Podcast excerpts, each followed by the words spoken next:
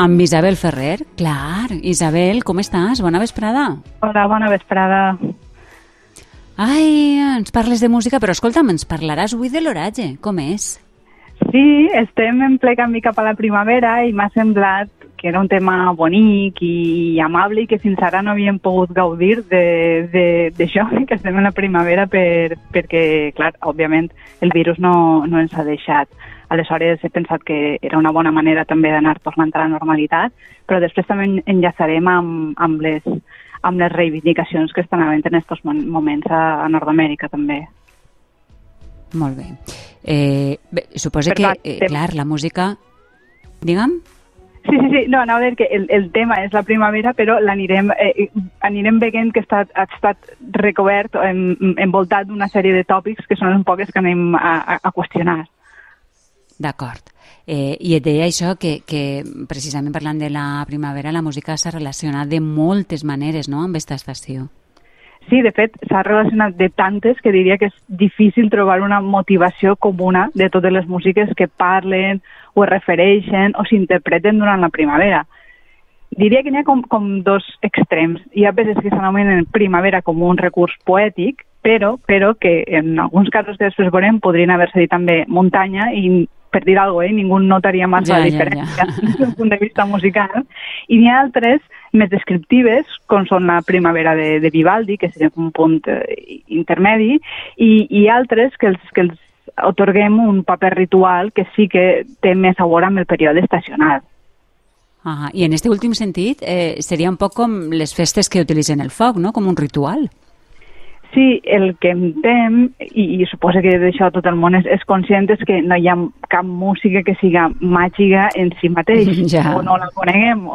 Ens agradaria, tot i que hi ha moltes que, que sí que tenen un cert poder, eh, però màgica encara no ho sabem. Una altra cosa és que, de la mateixa manera que passa amb el foc, la incloem dins d'uns rituals que solen fer-se per aquestes dates, molt relacionats amb, amb la primavera, els fenòmens meteorològics, la fertilitat, bé, tot el que entra en el pack no, de, de la primavera. I d'aquest tipus de cerimònies on participa la música n'hi ha moltes i arreu del planeta. Doncs expliquem algunes, no?, que tinguem així a propet deixant de banda les falles i Sant Joan, que ja les coneguem, on el foc mm. és protagonista, la música també, eh, tant la Pasqua com durant el mes de maig hi ha molts pobles on es realitzen unes rondes de carrer que normalment estan protagonitzades per homes joves, habitualment fadrins, que van a rondar a les xiques. Justament en les zones valencianes n'hi ha moltes variades en noms molt diferents eh, i n'hi ha unes amb un nom molt curiós i descriptiu que venen en principi de les zones castellanoparlants, zones valencianes castellanoparlants, tot i que n'hi ha altres jocs i que han acabat en alguns jocs també eh, de parlar valenciana i que s'anomenen els mayos. Així per la vinculació amb el mes de maig eh, i la primavera. Es contem un, un, un trosset? Ah.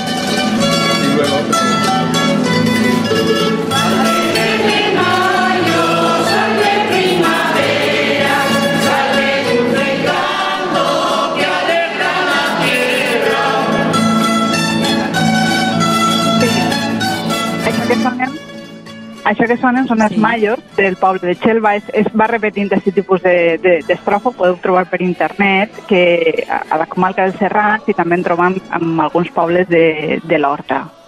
Aquest tipus de cant repetitiu que canten ah, És xulo, no? És bonic. Sí, Sí, ara se senten dones, però és una cosa que abans no passava. És com que en la recuperació s'han inclòs les, les dones perquè eh, en els majos i en més rondes, fins fa quatre dies, estic parlant igual de... de bueno, ara ja igual ja fa uns 50-70 anys, quatre dies en termes històrics, el paper de la dona era molt passiu.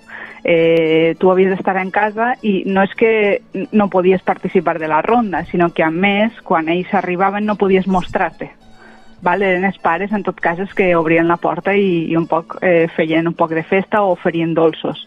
Eh, aleshores, a vegades tenim un imaginar un poc no, de, de, d'estos actes que no es correspon del tot amb la, amb la realitat. Aquestes serenates que apareixen en les pel·lícules a vegades no eren tan, tan, tan reals en la, vida, en la vida real i quan expliquen les tradicions és important situar-les bé en el temps i en l'espai. Uh -huh. I este fenomen de les rondes està estès?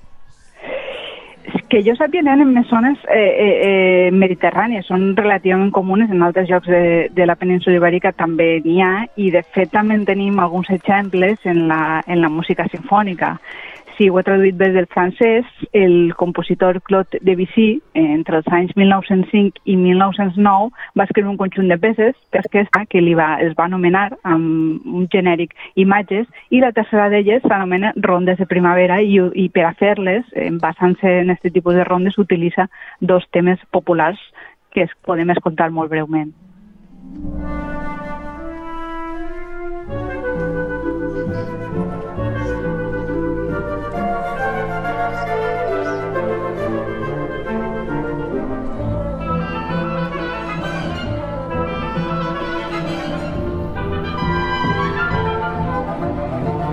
I hem mencionat també, Isabel, un ús poètic no? de la música de primavera.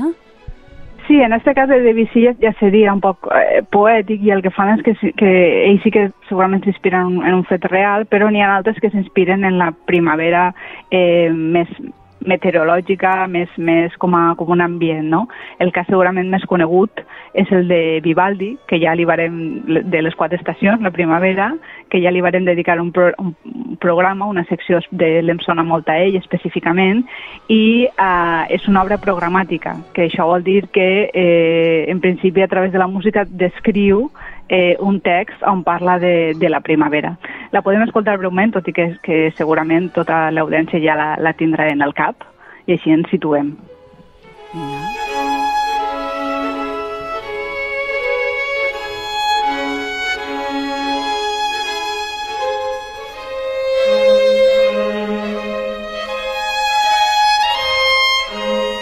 Sí, jo no sé si hem, si hem posat el tros més conegut, però si feu una cerca per internet de seguida trobarem uh, la, la primavera i anem a escoltar una altra, una altra versió que de, també basada en, en les quatre estacions de Vivaldi, que s'anomenen estacions portenyes, que són de, del compositor Astor Piazzolla i que són tangos. Aleshores, no van ser escrites ah. en el segle XVIII, com les de Vivaldi, sinó que ja són dels anys 70 del segle XX i sonen així de bé.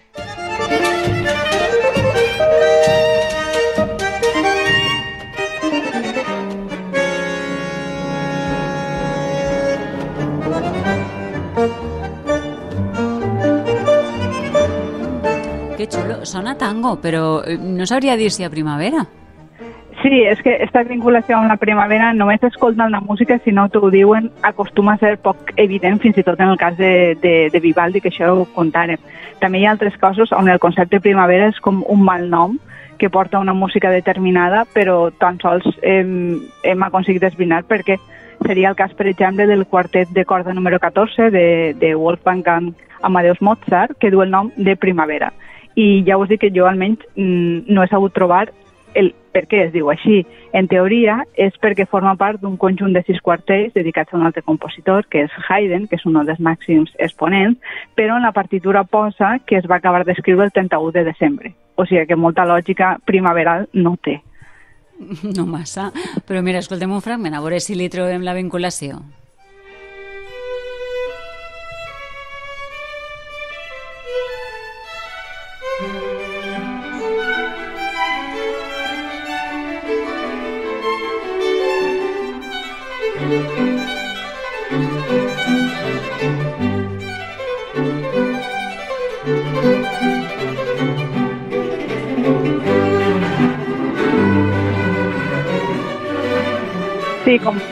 Podem escoltar, eh, no, no Costa té... poquet, no? no, no estic intentant ahí trobar-la, però...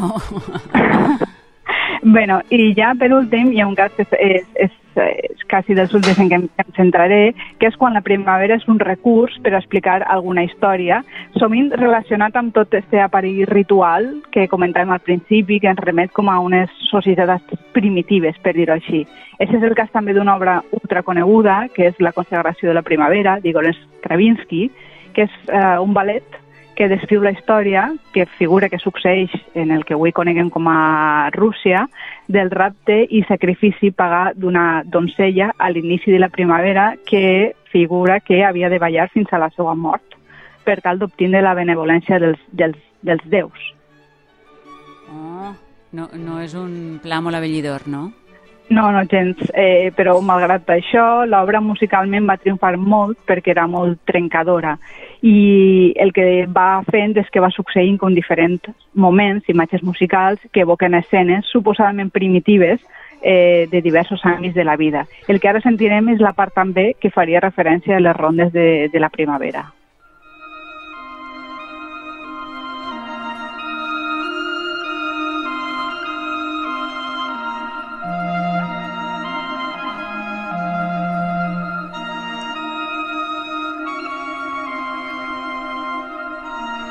Això que estem escoltant és el tros més amable de l'obra, que, es, que es va acabar breument, perquè és, és una obra que, que va ser molt trencadora. En, en tot sí. cas, i ara ja comença, ja se sent escolta de fons, en tot cas, quan es va escriure eh, esta obra hi havia com una moda, que jo crec que encara dura, que era com presentar una vinculació entre la natura, que s'expressa fàcilment mitjançant el concepte de primavera, i aquestes societats més o menys remotes que en aquells temps de principi de segle, que és quan aquesta obra podia ser Rus Rússia, el que diem Rússia, o, o qualsevol de les societats africanes o els indis nord-americans. I això de vegades doncs, porta un poc a reduccionismes culturals. A... Oh, que interessant. Podem explicar un poquet millor aquesta idea? Sí, la idea és que el, el fet d'identificar naturalesa amb determinades cultures, que mai són ni europees ni blanques, a vegades el que vol el que fem sense voler és que les estem com oposant a, a la racionalitat. És com si creara una situació de desigualtat eh, amb, amb ells, no? com de capacitat. I, per descomptat, la, la nostra mirada occidental sempre queda com a, com a més superior de fet, moltes vegades l'única manera d'escoltar la seva veu és a través de la mà d'un compositor, que és el que passa amb aquestes, amb aquestes obres. En el cas de la primavera de Stravinsky, de París demandava un poc aquest tipus d'exotisme i, el, i ell i, i els ballets russos s'acoplaren a, a demanda que van ser els que un poc van fer el, el ballet. Mm -hmm. eh, Mira, la setmana passada crec va ser l'aniversari en què Stravinsky va estrenar a París eh, la consagració de la primavera, si no m'equivoque, divendres eh, o una cosa així va ser l'aniversari. Eh, això en l'actualitat que estem vivint a Nord-Amèrica, mm, Isabel, per això al principi has dit el que deies, és important recordar-ho. Sí, clar, no? que a vegades, sense voler, eh, les, eh, les persones que, que disposem per, per el nostre color de pell i situació geogràfica de més veu, eh, a vegades parlem per altres persones que en tenen més, no? I per això també crec que és important que quan pensem la primavera o aquestes situacions no, musicals o rituals eh, siguem ben conscients no, de, de, de l'exercici que s'està fent i de també de qui, qui està parlant, qui s'està expressant. Doncs eh, mira quin bon final per a parlar de música i primavera en esta secció d'avui amb Isabel Ferrer. Gràcies, un plaer com sempre i fins la setmana que ve, Isabel. Fins la setmana que ve. Una Adeu. bona vesprada.